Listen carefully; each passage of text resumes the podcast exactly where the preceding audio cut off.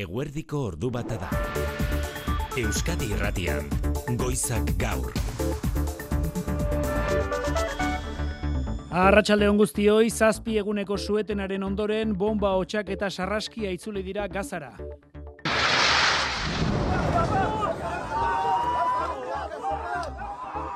Euskal Herrian goizeko seiak genituenean amaitu da, gero eta auskorragoa zen suetena, eta arrezkero, ohartarazi zuen moduan, Israelgo armada oso gogorrari da gazaren aurka, zerrenda osoan bombak etengabe jaurtiz.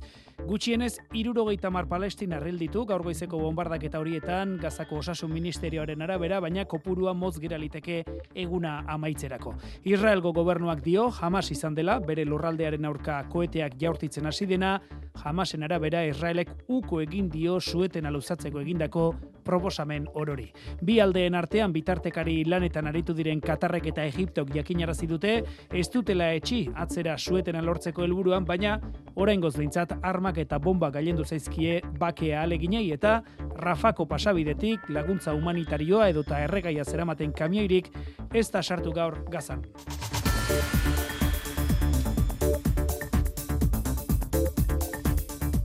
Etxeko albiste nagusiei dagokienez, Eider Aranberri Arratsaldeon. Arratsaldeon inigo. Soziometroaren azken inkesta kaleratu du gaur goizan Eusko Jaurlaritzak eta horren arabera Eusko Alderri Jeltzaleak irabaziko lituzke legebiltzarrerako hurrengo hauteskundeak hogeita bederatzi legebiltzarkide eskuratuta EH Bildu litzateke bigarrena hogeita bost eserlekurekin. Hori da jeltzalek bi eserleku galduko lituzkete eta koalizio abertzaleak lau irabazi. Azken hauteskundetako joera errepikatuko litzateke hortaz, PS Euskadiko ezkerrak legebiltzarkide bat eskuratuko luke amaika eserleku izateraino eta jeltzalekin gehiengo osoa errepikatzeko moduan izango lirateke laugarren indarra alderdi popularra, boxek galduko luken eserlekua bereganatuta zazpi lege biltzarkide izango lituzke eta galera handiena elkarrekin Podemos iuk orain duen babesaren erdia lortuko luke hiru lege biltzarkide eskuratuta. Hauteskundeetarako datarik ez du iragarri orain digini gaurkulu lehendakariak, baina hauteskunde giroa nabari, nabaria izan da gaur goizean Eusko Legebiltzarrean kontrol saioan horren ez horren EH Bilduko nerea kortajarena eta inigo urkullu lehendakaria. Bistakoa da ez ez dutela sinestagarritasunik.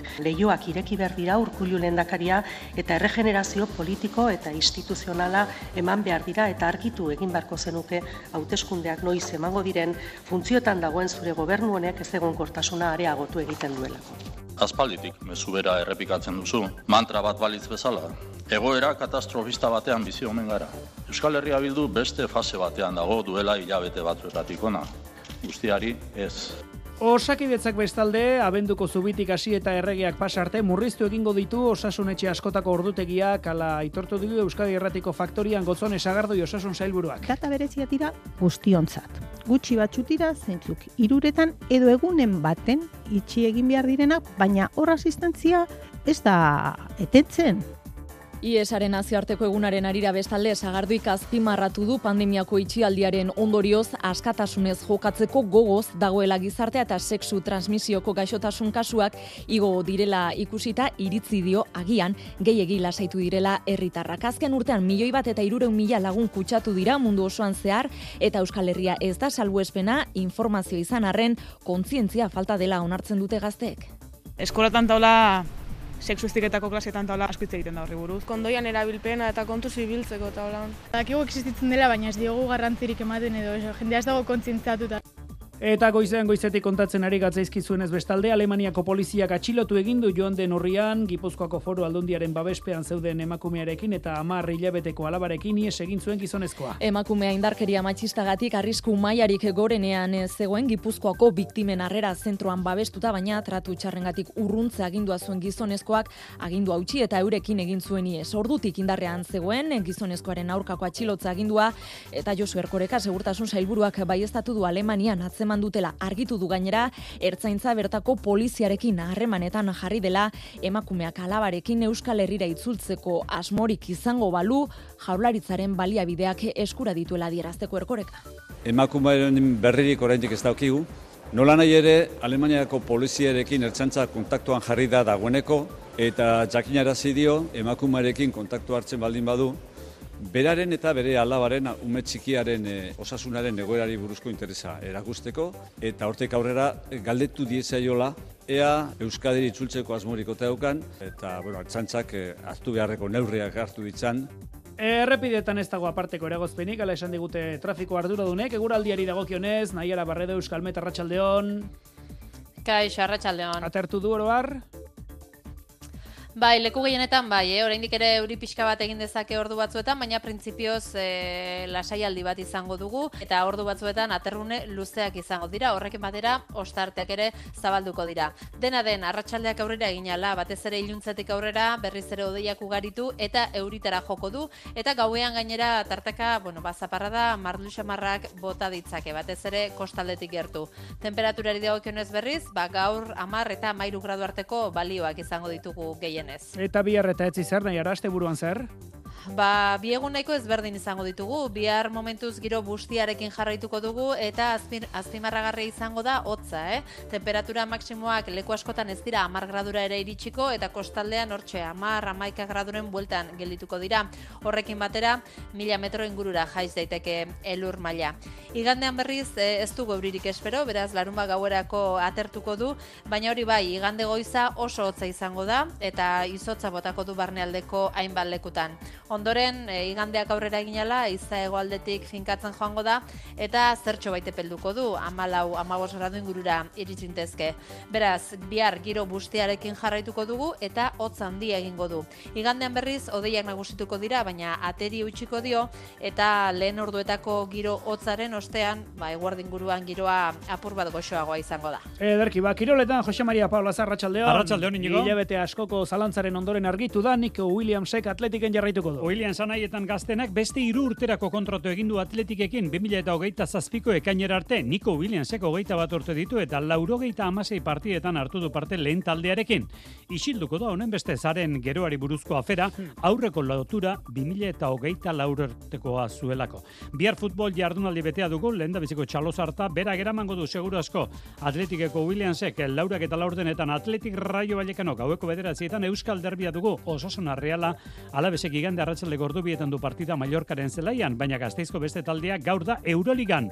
Valencia Baskonia biak bosna garaipenekin zortziterrietan da partida, eta asteburuari aurre hartuta datoz, horilaken daukan partida miarritzek, anaitasunak eskubaloi ligako akordoban, eta binakako txapelketako partida amore bietan. Albiste hauek eta gehiago, ordu bat aterdietatik aurrera kirolek ez saioan Euskadi irratian, eta ordu bitardietan kulturraioa zabaltzen dugunean, Manu Etxe sortu, Arratxaldeon. Arratxaldeon inigo. Besteak beste, Eduardo Txilidaren, jaiotzaren, mendeurreneko ekitaldiei hasera emango dionari erreparatuko diogu Maekt Unibertsoa izeneko erakusketa bihartik aurrera zabalik txilidalekun. Bai, Eduardo Txilidak Frantziara joaten zenean harreman estua izan zuen Maekt arte galeriarekin eta galeria honekin lotura zuten artistekin Alexander Calderrekin, Alberto Giacometirekin edo Joan Mirorekin. Harreman hori erakutsiko du Txilidalekun jarritako erakusketak artearen bidez Txilidak eta bere lagun izandakoek topo egingo dute Hernanin.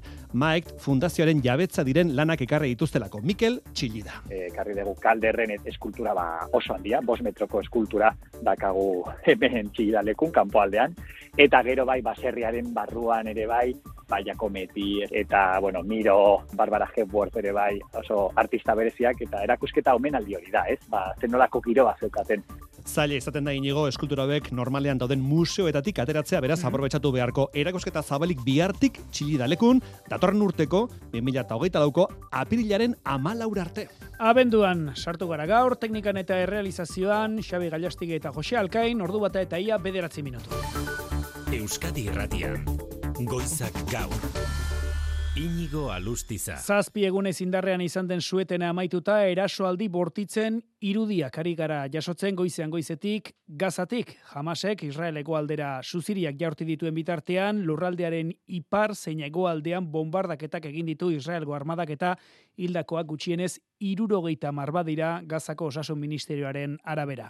Gaza egoaldeko naserreri etxea eta Rafa pasabidetik gertu dauden etxe bizitzaguneak jo dituzte besteak beste bombek borroka kastearekin batera, eten eginda gainera Rafako pasabidetik sartzen ari zen laguntza humanitarioa ekialde horbilean. Azken orduko Mikel Aiestaran eite beren berri emaileak. Mikel Arratsaldeon. Arratxaldeon, gerra gazaio du berriro astebeteko suetenaren ondoren, Israelek eta Hamasek akordioa ez errespetatzea leporatu diote elkarri, eta goizean goizetik borrokak eta bombardaketak itzuli dira. Israelek egoaldera zabaldu ditu operazioak eta janjunisetik ekialdera bizi diren biztan lehi zonaldea usteko deia egin die. Zerrendaren iparraldean erabilitako estrategia bera da. Katarrek eta Egiptok negoziazioa zabalik dute beste etenaldi bat lortzeko, baina ez da erreza izango. Antoni Blinken, estatu idazkariak huts egin du suetena mantentzeko saiakeran. Israelek gerra denbora gehiago eskatu dio, jamasekin amaitzeko eta ez dio bere aliatu handiaren eskaerari entzun. Su etenari eustea eskatzen zuen Blinkenek baituen askapena lortzeko eta zerrendari laguntza gehiago emateko. Ba nazio batuen erakundeak penagarritzat jo du, sueten hautsi izana, bitartekaritza lanian ari den Katarrek bitartean negoziazioek zabalik jarraitzen dutela jakinarazi du, baina ez dirudi erraza gauzak daudenean suetenera itzultzea.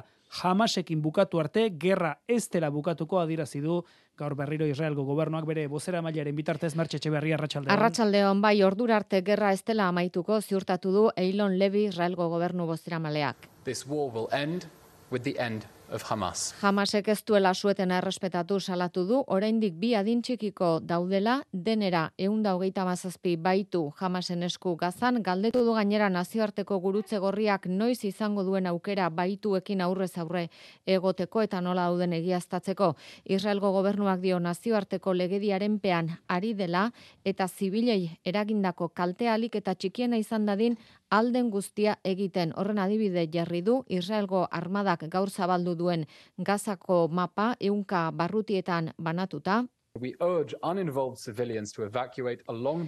Bertan dituzte evakuazio jarraibideak adierazi du eta e, zehaztu gabe hala ere galderei erantzune erantzunez zehaztu gabe nora jo dezaketen herritarrek ba ebakuatzeko eskatu zaien gune horretatik alde egindako unean. Jamasek beraldetik salatu du Israelek ez duela ontzat eman hildako baituen gorpuak berreskuratzeko miliziak egindako proposamena, negoziatzeko borondate osoa duela adierazi du Osama Hamdam Hamaseko buruak Al Jazeeran, baina the, the, the determination of Israel to continue on their aggression on Gaza Strip. Israelek geratu beharra dakala, daukala Gazaren aurkako erasoaldia. Erantzunkizuna neurri handi batean estatu batuen gain jarri du Hamasek eurek dute gaitasuna Hamasen esanetan Israel behartzeko. Eta inigo Hezbollah bestaldetik harra egin du gaur gatazka Libanora zabaltzeko aukerak hor jarraitzen duela. Ba, honela gauzak ekialde hurbilean sueten amaituta eraso handiak, eraso bortitzak, Israelgo armada gazaren aurka egiten ari dena gaur goizean. Nazioartean bestela Dubaiko kopo goita sortzi klimaren goibileran herrialde bakoitza hasi da zehazten, zein ekarpen egingo dion klima aldaketa kaltetutako herrialde haulen entzat sortuko den funts horri. Gaurko berritasuna kop goibilera batean lehenbiziko aldiz elikadura eta klima aldaketa lotzen dituen ebazpena sinatu dutela eun herrialdek. Elikadura eta lurraren erabilera esparruan egindako ekarpenaren berri jaso beharko dute hemendik aurrera herrialdeek klima aldaketara egokitzeko gainerako aldagaiekin batera. Europar batasunaren ikuspegitik bitartean, batzordeak uste du, hogeita zazpi estatukideek hartu dituzten konpromisoek balio lezaketela klimaren aurkako edo klima aldaketaren aurkako borrokan mundu osorako. Besteak beste, nabarmendu dituzten neurriak dira, karbonoari prezioa jartzea, gehien kutsatzen duten enpresek, modu batera edo bestera konpentsa dezaten isurketa, edota energia berriztagarrieneko izpena, 2000 eta hogeita marrerako iruko iztuea ere bai, Amaia Portugal, Brusela, Ratxaldeon. Arratsaldeon bai, Europar batzordean atsegin dute gogoraztea lemazain izaten ari direla mundu mailan Parisko akordioak betetzeari dagokionez eta euren eredua jarraitzeko iradoki berri die Ursula von der Leyen batzordearen presidenteak gainerako herrialdeei du bain. Asteko azpimarratuta isuri globalek goia jo behar dutela 2025erako beranduenez. Global emissions must peak by 2025. We must phase out fossil fuels. Gero gogorarazteko, Europar batasunean goia jo dutela da Bruselak bere buruari ezarri dion beste helburu bat, 2008 marrerako berriztagarrien bidezko ekoizpena irukoiztea alegia, denek hartu beharko luketen konpromisoa dela uste du bonderleienek, eta kopo goita sortziaren bukaerako adirazpenean txertatzea proposatu die gainontzekoei. Goi bilera honen lehen lorpena izan da klima gehien kaltetutako herrialdeentzat funtsa sortzea, badagoraipatu du estatukidek eta Europar instituzio fundazioek berren da irurogeita mar milioi dolar inguru eman dituztela da funts horretarako. Goizean gainera, saioa egin dute karbono merkatu delakoei buruz, gehien kutsatzen duten industriei ordainarazteko formula. Orain dela emezortzi urte jarri zuen martxan Europar batasunak modu hau, karbono merkatuen hauzi hau, isuriak euneko berrogei murriztea lortu dute ala ordutik, ala dio batzordearen presidenteak eta hori ere erudu dela uste du mundu osoarentzat. Ordu bata eta laurden etxeko politika gintzan soziometroak kaleratu duen inkestaren arabera Eusko Alderri Jeltzaleak irabaziko lituzke legebiltzarrerako urrengo hauteskundeak baina bi esarleku galduta Euskal Herria Bildu kaldiz, gorakada nabarmena izango luke, orain bezala, bigarren indar politikoa litzateke, baina jeltzaleen gandik lau esarlekura. Sozialistek eta popularrek esarleku bana irabaziko lukete, eta elkarrekin Podemos iuk iru galdu, hortzi gartzia, arratsaldeon. Arratsaldeon bai, jeltzalen eta subiranisten arteko leia estu aurrik du soziometroaren boto estimazioak. EH bi eserleku galduko lituzke, hogeita bederatzi eskuratuta. EH Bilduko hogeita bost, laugora. Pesek bat irabaziko luke amaika eskainu lortuta. Alderdi Popularrak boxek galduko luken eskuratu eta zazpi lortuko lituzke guztira. Eta elkarrekin Podemosen eta Sumarren arteko balizko koalizioa berriz, oraingo erdiak galduta hiru eserlekurekin lotuko litzateke. Lurraldez lurralde Bizkaien eta Araban ea jotak garaile baina azken horretan Gipuzkoan bezala eskainu bat galduta. Horrokora da jeltzalen berantzko joera Gipuzkoan EH Bilduk jeltzali jaurre hartu eta bi eserlekuren aldearekin irabaziko luke. Hiru lurraldetan egingo luke gora nabarmen indar subiranistak. Alderri sozialistak eta alderri popularrak apal bada ere, gorantz egingo lukete, araban bereziki, orain baino eserleku bana gehiago lortuta. Eta beranzko joera gelditu ezinik dabilena, elkarrekin Podemos sumarre gordezkatzen duen espazioa lurralde guztietan eserleku bat galduko bailuke. Iru mila personari telefonoz egindako galdeketa azaruaren hogeita bat eta hogeita laua bitartean egin zen, zen Inigo Urkullu eta Arnaldo Otegi hautagei izango ez direla jakin aurretik. Ba, hauteskunde giro hori nabaritu da gaur goizean Eusko Legebiltzarreko kontrol saioan, jaurlaritza agortuta dagoela eta hauteskundeak noiz deituko dituen argitzeko eskatu dio EH Bildu Inigo Urkullu lehendakariari, lehendakariak erantzun du hauteskunde kanpaina betean dagoela EH Bildu gizartean egonezina astindu eta agintera iristeko Legebiltzarretik berri emaila Asun Arrozena. Bai, inigo urkullu lehendakariak hauteskundeak noiz deituko dituen zain gero eta nabarmenagoa da legebiltzarrean hauteskunde aurreko giroa. Hori argitzea beharrezkoa dela dio nerea kortagarenak EH Bildurentzat agortuta dago egungo jaularitza. Leioak ireki behar dira urkullu lehendakaria eta erregenerazio politiko eta instituzionala eman behar dira eta argitu egin barko zenuke hauteskundeak noiz emango diren funtziotan dagoen zure gobernu honek ez egon kortasuna areagotu egiten duela. Eta kritiko inigo urkullu lehendakaria lehendakaria bere esanetan dena gaizki dagoen mezua helarrazten ari da EH Bildu muturrera eramanaz sorturen plangintza esan du agintera iristeko. Hauteskunde kanpainan sartuta dagoela EH Bildu guztiari ez ezko emanaz. Euskal Herria Bildu beste fase batean dago duela hilabete batzuetatik ona. Hauteskunde kanpaina hasi duzueia da, Aste honetan bertan osasun publikoaren edo hezkuntza hitzarmenaren aurrean erakutsi duzuen jarrera horretaz ari naiz. Guztiari ez. Hezkuntza legean hain zuzen ere koherentziaz jokatzeko eskatu dio Jokin Bildarratz hezkuntza saiburuak EH Bilduri eztabaida ez dagoela legearen artikulatuan gaineratuz. Autogobernuari lotuta berriz urkulluk berretsi du posible dela Euskadiren etorkizunaz legezko eta hitzartutako kontsulta egitea. Kasu honetan iturgaitz popularra izan da Euskadin beste prozes bat sartzea leporatu diona. Ez aizua sola Euskal prozes batek berez dakarren atxarriko inbertsio urria piztea dena independentziaren alde zuen txako. Iturra izauna, bizikidetza egokia bermatzea da gure erantzunkizuna. Eta bizikidetzak ezinbestean gai guztietan akordio zabalak lortzea eskatzen du. Baita honetan ere.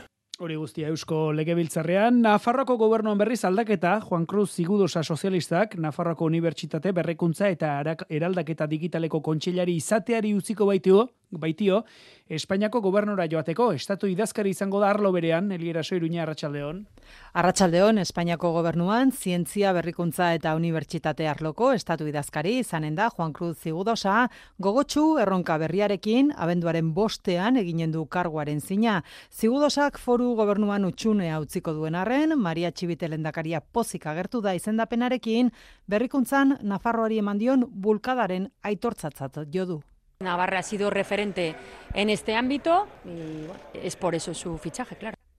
Zigudosaren ordezkoa nor izanen den ez du oraindik jakinarazi txibitek, Espainiako gobernuan bi goikargu izanen ditu momentuz PSNek, bestea jakina Elmasaiz Inklusio Gizarte Segurantza Ministroa da. Iruñeko udalari dagokionez, balizko zentsura mozio baten inguruan, Kristina Ibarrola, UPN-eko alkateak esan du gaur Radio Euskadin, karguari eusteko gogor egingo duela lanbera. Guste du Ibarrolak, oposizioko taldeak arrazoirik izan ezarren, bera kargutik entzeko errelatoa euntzen ari direla un relato basado en una mentira que no tiene ningún sostén. Y sí, insisto, Eta erantzi du ez diela zentsura mozio aurkezteko bidea erraztuko inguru marionetan, Ibarrolak aurrekontuak adosteko eskua luzatu die, sozialistei eta gero abairi, eta irigintza arloan baita EH Bilduri ere. Sistema juridikoan eta espetxe politikan bestalde badaudela zigorrak betetzeko beste aukera batzuk, hori aldarrekatuko du, sare plataformak datorren urtarrailaren amairuan Bilbon deitu duen manifestazioan. Konponbiderako giltza lelopean abenduan zehar mobilizazio gehiago egingo dituzte besteak beste durangoko azokako ekitaldian, kontzentrazioak hiriburuetan edota manifestazioak martuteneko eta basauriko espetxeetan presoen etxerako bidea konponbidea eta bizikidetzaren giltza herritarrek hartu behar dutela aldarrikatuko du sarek. Bego atxabozera maia. Euskal gizarteak berak hartu behar duela bere gain, instituzio politiko eta judizialarekin batera, Euskal preso, ieslari eta deportatuak etxera itzultzeko bidea diseinatzeko gaitasuna. Baina aldi berean, Bilbon salatuko dugu ez duela batere logikarik etengabeko konfrontazioan aritzeak. Ulertezina dela, iraganean pentsatutako lege eta jarrerei eustea. Ordu bata eta hogeita bat minutu Euskadi Erratiko Faktorian gaur gonbidatu nagusi gotzone sagardui, jaurlaritzako osasun sailburua, iesaren aurkako mundu eguna dugun honetan, prebentzioan bakarrik ez diagnosi goiztiarrean ere egin beharra dagoela indarra esan digu sagarduiki esari aurre egiteko kutsatu diren herritarrek behar baino beranduago egiten dituztelako detekzio probak askotan. Horrekin batera eta gabon garaira begira sagarduik aitortu du profesional faltagatik murriztu egingo dituela osakidetzak osasunetxe askotan ordutegiak. Datorren astetik hasita maialen arratibel arratsaldeon arratsaldeon bai datorren asteko abenduko zubitik hasita urtarrilaren zazpira bitartean osasun zentro askotan ordutegiak hiru orduz murriztuko dira. Beste kasu batzutan arratsaldeko hiruretan amaituko da zerbitzua eta zenbaitetan ateak itxi ere egingo dituzte. Bagotzone sagardu osasun sailburuaren hitzetan hori ez da ordutegiak murriztea egokitzea baizik uste dut hizkuntza garrantzitsua dela, ez dago murrezketarik, eta esango nukeena da, ordutegiak egokitu egiten direla. Profesional gehiago izango bagenitu eta kontratatzeko aukerak izango bagenitu, ba, gauzak errezago izango liratekela guztiontzat? Ba, bai, baina ez dezagun nahaztu profesional gehiago izan ez gero beraz, murrizketa gutxiago leudekela, baina arazoa arago doala, egiturazkoa dela, erantzun dio telegibiltzarrean oposiziotik, gabonetako eta gabonetako ordutegi murrizketa horrek eragingo duela, larri aldi zerbitzuek gainezka egitea. Entzun Rebeka Ubera EH Bildu. Aldatzen hasita ere, emaitzak ez ditugu berala ikusiko. Zeren egoera da hain larria, aspaldi da ez dugula ez da ordezkapenak egiteko plantilla ere.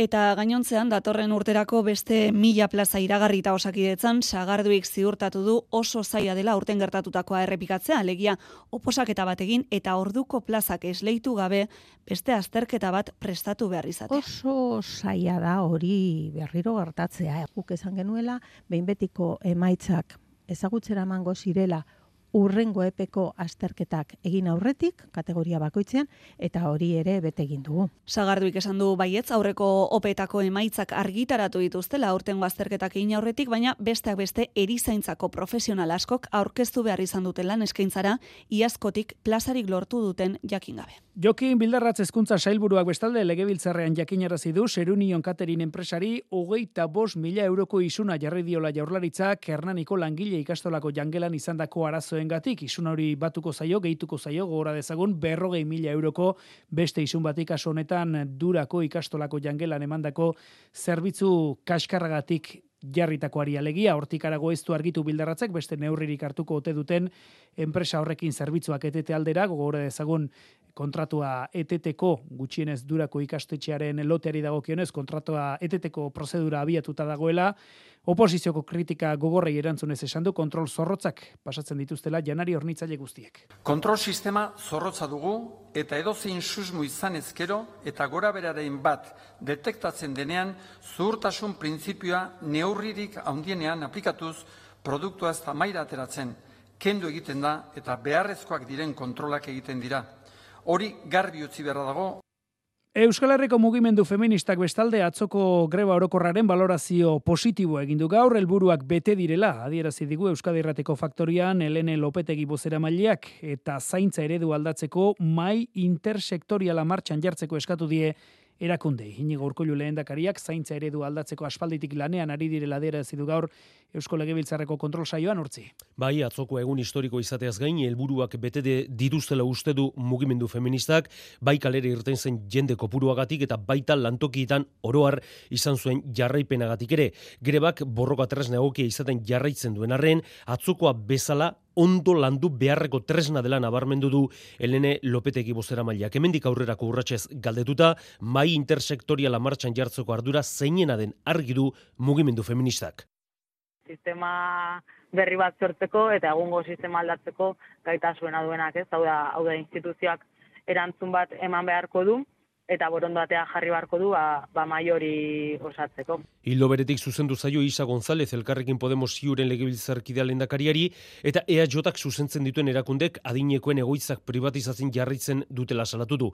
Inigo urkuluren erantzuna jende guztiak ikasi behar duela zaintzaile izaten ez soilik erakundeek.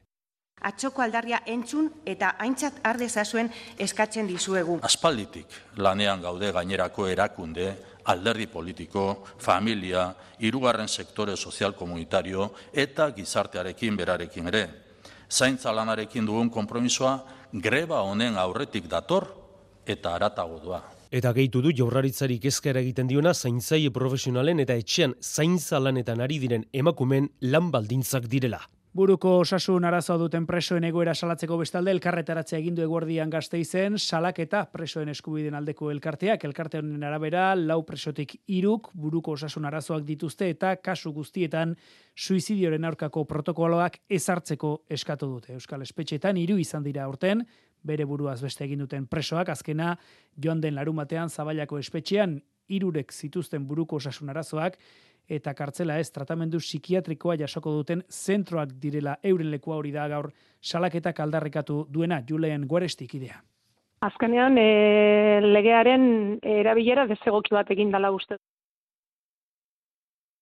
Jendea horrelako e, gaixotasunekin ezin du kartzelan egon. Kasu honetan bezala eta hil ziren aurreko kasuetan ere ba, tratamiento psikiatriko batean menpe zeuden, ez? Eta kartxela ez da leku egokiena horrelako kasuentzako.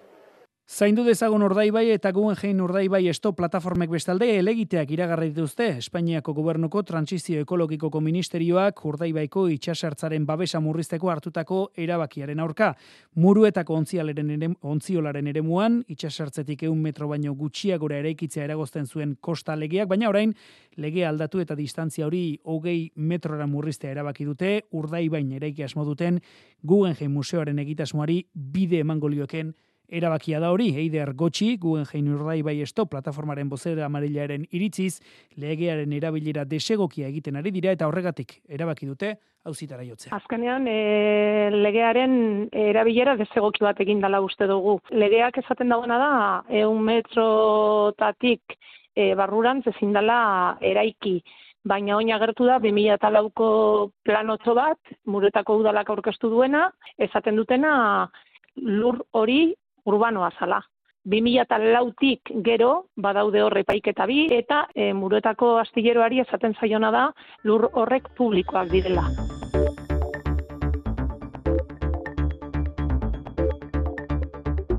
Eta horbilen geratzen zaigun informazioaren atalean, iruñetik gaur albistea, karabinagre kiliki kutxunenari eskenitako aur parke egitasmo, aur parke egiteko egitasmoa, asmoa iragarri duela Kristina Ibarrola alkateak karabinagreren irudia izango luken aurrentzako parke erraldoia heli. Bai, Kristina Ibarrola alkateak badaki, karagin binagre ikur maitatua dela iruindarrentzako eta bereziki aurrentzako. Karabinagre, Karabinagre oso itxusia. Jotzen due. Ni daukat bakarrik karabinagre. Karabinagre. Karabinagre. Karabinagreren aurparkea ez litzateke nola nahikoa izanen irurogeita mar metro luze eta mar metroko altuerako atrakzio erraldoi bat hartuko duen instalazioa du alkateak buruan, Valentziako Gulliver Parkean inspiratua. Que queremos hacer un parque infantil con la figura de Carabinagre, eh, convirtiendo su cara en una gran Kokapena atracción. zehazteke dago oraindik, proiektua berriz ba Nafarroko hiru unibertsitetako ikasleek tajutuko lukete ideia lehiaketa baten bidez. Aurrekontuari dagokionez, udal talde guztien babesa lortzea da alkatearen asmoa. Oso hasierako proiektua beraz oraingoz, baina gutxienez eh, asmoa iragarri du Iruñeko alkateak. Ordu bat eta erdiak jo berriak.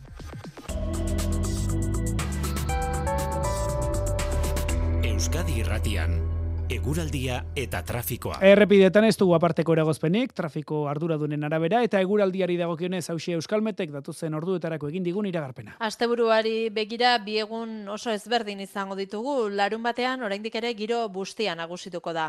Euri egingo du edozein momentutan eta edonon, baina ugariagoa izango da iparraldean. Horrekin batera, gauerako atertuz joango da. Bestalde hotza ere izango da azpimarragarria, leku gehienetan gehienez 10 gradu inguruan edo boli- balio horren azpitik geratuko gara eta elur maila mila metro ingurura jaiz daiteke. Igandean berriz ez dugu euririk espero, baina goiza oso hotza izango da eta izotza botako du barnealdeko hainbat lekutan.